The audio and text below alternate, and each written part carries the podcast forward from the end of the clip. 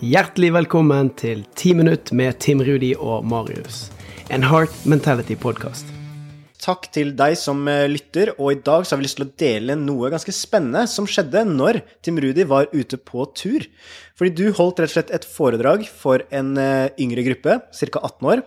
Og litt senere så holdt du da foredrag for en bedrift, hvor da aldersspennet strakk seg opp til 55 år. Og så brukte du en eh, mentimeter, som er rett og slett at man kan sende inn spørsmål anonymt, sånn for å få litt mer engasjement i salen. Og det som dukka opp da, syns jeg var så fascinerende. Kan ikke du dele, dele det til Rudi? For det syns jeg var ekstremt spennende. Det som er litt artig, er at 18-åringer har ikke lyst til å rekke opp hånden når de sitter inne i rommet. Så der er det lurt å bruke mentimeter for å få tak på hva de faktisk lurer på.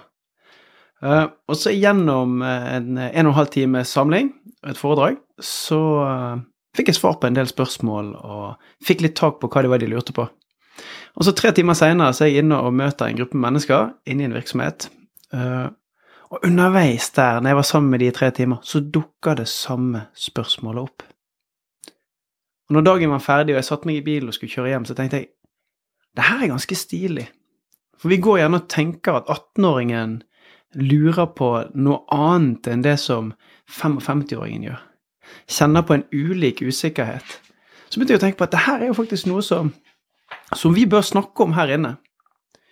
For det at spørsmålet som jeg fikk, det var hvorfor er det alltid så lett å henge seg opp i de negative opplevelsene i stedet for det positive?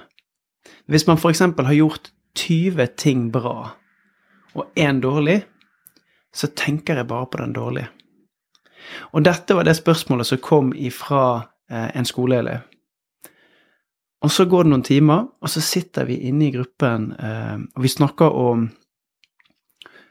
ja, fokus, eh, hvordan skape gode arbeidshverdager, hvordan skape gode opplevelser på jobb med disse medarbeiderne. Og så er det en som sier ja, men det som er så vanskelig for meg, det er at etter en lang dag, og jeg kjenner at jeg er sliten, og jeg har jobbet hardt, så klarer jeg bare å tenke på de tingene jeg ikke fikk gjort.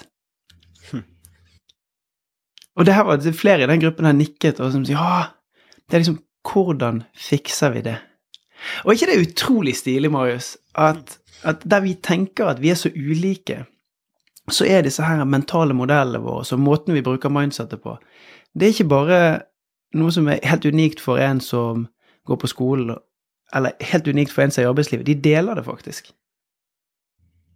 Og det her eh, strekker seg jo litt til eh, husker jeg hørte det quotet som sa at uh, vi mennesker vi er ikke alltid så logiske, men vi er alltid biologiske. Og det her er jo faktisk noe som er inne på det biologiske. Altså, det er jo en grunn til at vi opplever det sånn, og det er en grunn til at så mange mennesker opplever det. Og det er jo rett og slett fordi det er, handler mye om biologi, da. Ah, spennende. Si mer om det. Nei, for det er jo sånn at eh, vi er jo født med den hjernen vi har. Og tidligere eh, så hadde vi jo litt andre typer farer enn det vi har nå. Men den var jo da designa for å tenke litt negativt. Og det var veldig fordelaktig å tenke negativt. For hvis jeg så en ja, så jeg så en sabeltiger, da, og så tenkte jeg sånn Å, så søt sabeltiger, den kan jeg sikkert kose med. Hvis jeg hadde vært veldig positiv da, så hadde jeg blitt spist opp. Ikke så veldig bra. Men ved at jeg faktisk er litt negativ, skanner litt, ser farer, kjenner litt på frykten og sånne ting, hvis det er faktisk noe å frykte, så er jo det noe som hjelper meg med å overleve. Og så har vi jo den samme hjernen da som vi har nå, bare at vi har litt andre omgivelser og litt andre typer farer. Eh, spesielt her i Norge. Det er ikke så mye sabeltigre og krokodiller og sånne ting da. Da tror jeg du må i en dyrepark, men eh, det er en annen sak. det er jo faktisk sånn at hjernen vår er faktisk laga for negativitet, og det er jo mm. derfor det også er viktig av oss å lære strategier og lære hvordan vi kan gjøre det motsatte. Fordi at det er ikke biologisk noe som ligger naturlig for oss, og det er jo derfor vi trenger trening. Ja. Så det å fullføre en arbeidsoppgave kan faktisk sammenlignes med den 10 000 år gamle hjernen der det handlet om å samle mat. Så har jeg ikke fullført den listen med ting som jeg trodde at jeg kom til å gjøre, så kan vi sammenligne det med at jeg har ikke samlet inn nok mat til klanen, mm. og til, til liksom de som vi tilhører og det blir en trussel. Tror du det er det samme for, uh, for en idrettsutøver uh, som er ute på banen og skal øve på ting, at det er de samme fryktresponsene som skjer?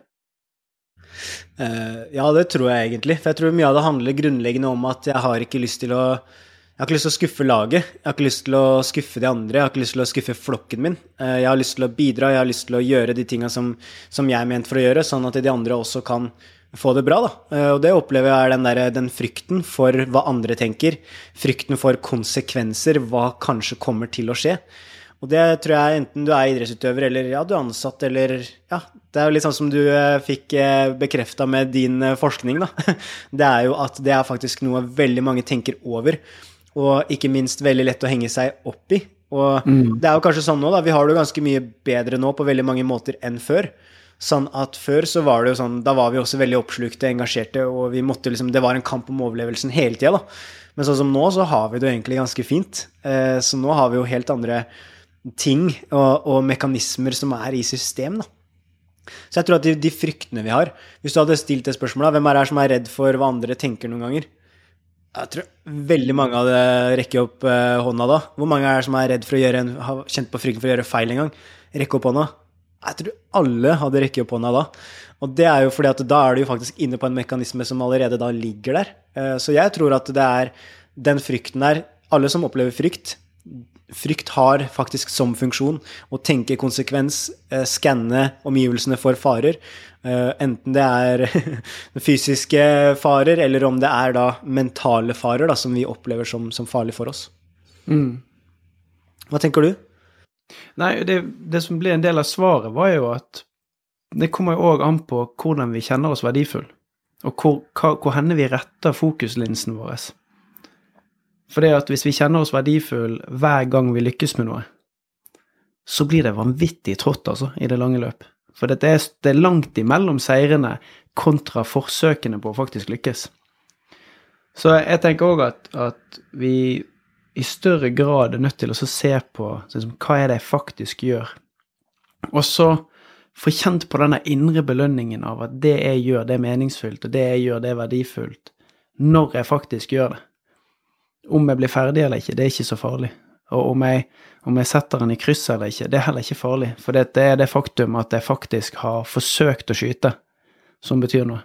Mm. Uh, og så syns jeg det er veldig interessant at den type evaluering er så universal, da. Uh, den gjelder meg og deg, og den gjelder den som lytter på om man er 18 eller 20 eller mellom 30 og 50. Uh, hvor henne er det? Hva er det jeg gjør når jeg kjenner meg verdifull?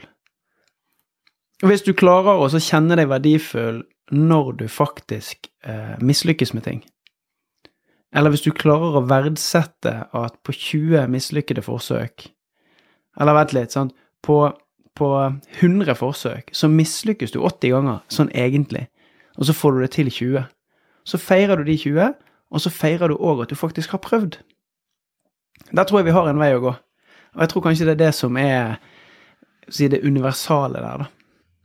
Ja, og så tror jeg også at uh, det er litt som du sier, den evalueringa jeg gjør, da. Hva tenker jeg om det å gjøre feil? Hva tenker jeg om det å Altså, for noen så kan det være en stor feil å bare si noe dumt. For andre så kan det være en stor feil hvis du faktisk da tar på deg et stort prosjekt, du gjennomfører det prosjektet, og så når det ikke opp, f.eks., og så er det en stor feil, og det er liksom Du tør å feile masse på veien der, men det er på en måte det som du da definerer som ah, det her var en skikkelig feil, f.eks. Så det å faktisk da klare å se litt på ja, men hva er det feil faktisk er, da, og hva er det jeg faktisk gjør når jeg bidrar, fordi at eh, man kan jo bidra ja selvfølgelig En ting er jo at du tør å utfordre deg sjøl, men du bidrar jo også med ting som er bra. Ting som du allerede har fått til. Og, og det er det også så utrolig viktig å rette fokuset mm. sitt mot. For ellers så tenker du bare at ja, men jeg har ikke. Men jo, hva er det du allerede har? Og hva er det du allerede gir? Mm. Helt enig, og det er utrolig spennende. Du, helt til sist så vil jeg rett og slett uh, reklamere litt for uh, vårt eget produkt. Heart Mentality er en app hvor eh, du kan gå inn, og så kan du faktisk trene daglig på akkurat de tingene som vi snakker om her. Og hvis du har lyttet og kjenner at 'å, det der traff meg litt', eh, her føler jeg at jeg har noe å hente', så gå inn og så se på programmene på Mindset, Unfuck deg sjøl, Mindset meditasjon. Sånn du kan bli bedre kjent med deg sjøl, og du kan ta ansvar for din egen personlige utvikling.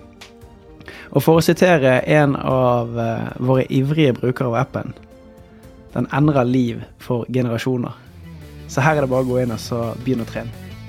Takk for i dag, Marius. Takk for i dag. Takk for at du delte.